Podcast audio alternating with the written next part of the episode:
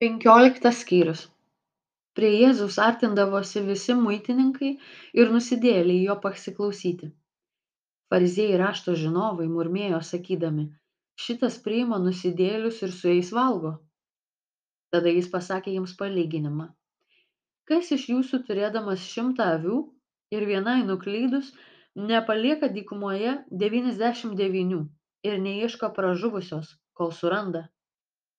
Radęs su džiaugsmu dedasi ją ant pečių ir sugrįžęs namo susikviečia draugus bei kaimynus sakydamas džiaukitės drauge su manimi radau savo avį kuri buvo pražuvusi. Sakau jums taip ir danguje bus daugiau džiaugsmo dėl vieno atgailaujančio nusidėjėlio negu dėl devyniasdešimt devynių teisiųjų kuriems nereikia atgailos. Arba kuri moteris turėdama dešimt drachmų ir vieną pametusi neužsidega žiburio nešluoja namų ir rūpestingai neieško kol suranda. Radusi susivadina drauges bei kaimynes ir sako džiaukitės su manimi nes radau drachmą kurią buvau pametusi. Sakau jums šitaip džiaugiasi dievo angelai dėl vieno atgailaujančio nusidėjėlio. Jis kalbėjo toliau. Vienas žmogus turėjo du sūnus. Kartą jaunesnysis tarė tėvui tėve atiduok man priklausančią palikimo dalį. Tėvas padalijo sūnums turtą praėjus kelioms dienoms jaunesnysis sūnus pasiėmęs savo dalį iškeliavo į tolimą šalį. Ten palaidai gyvendamas iššvaistė savo turtą.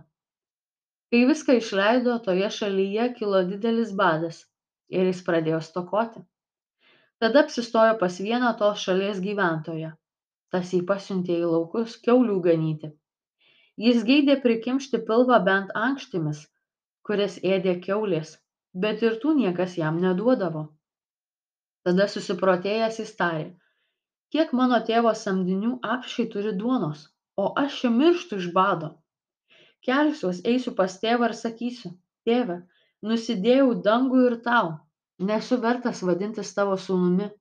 Priimk mane bent samdiniu.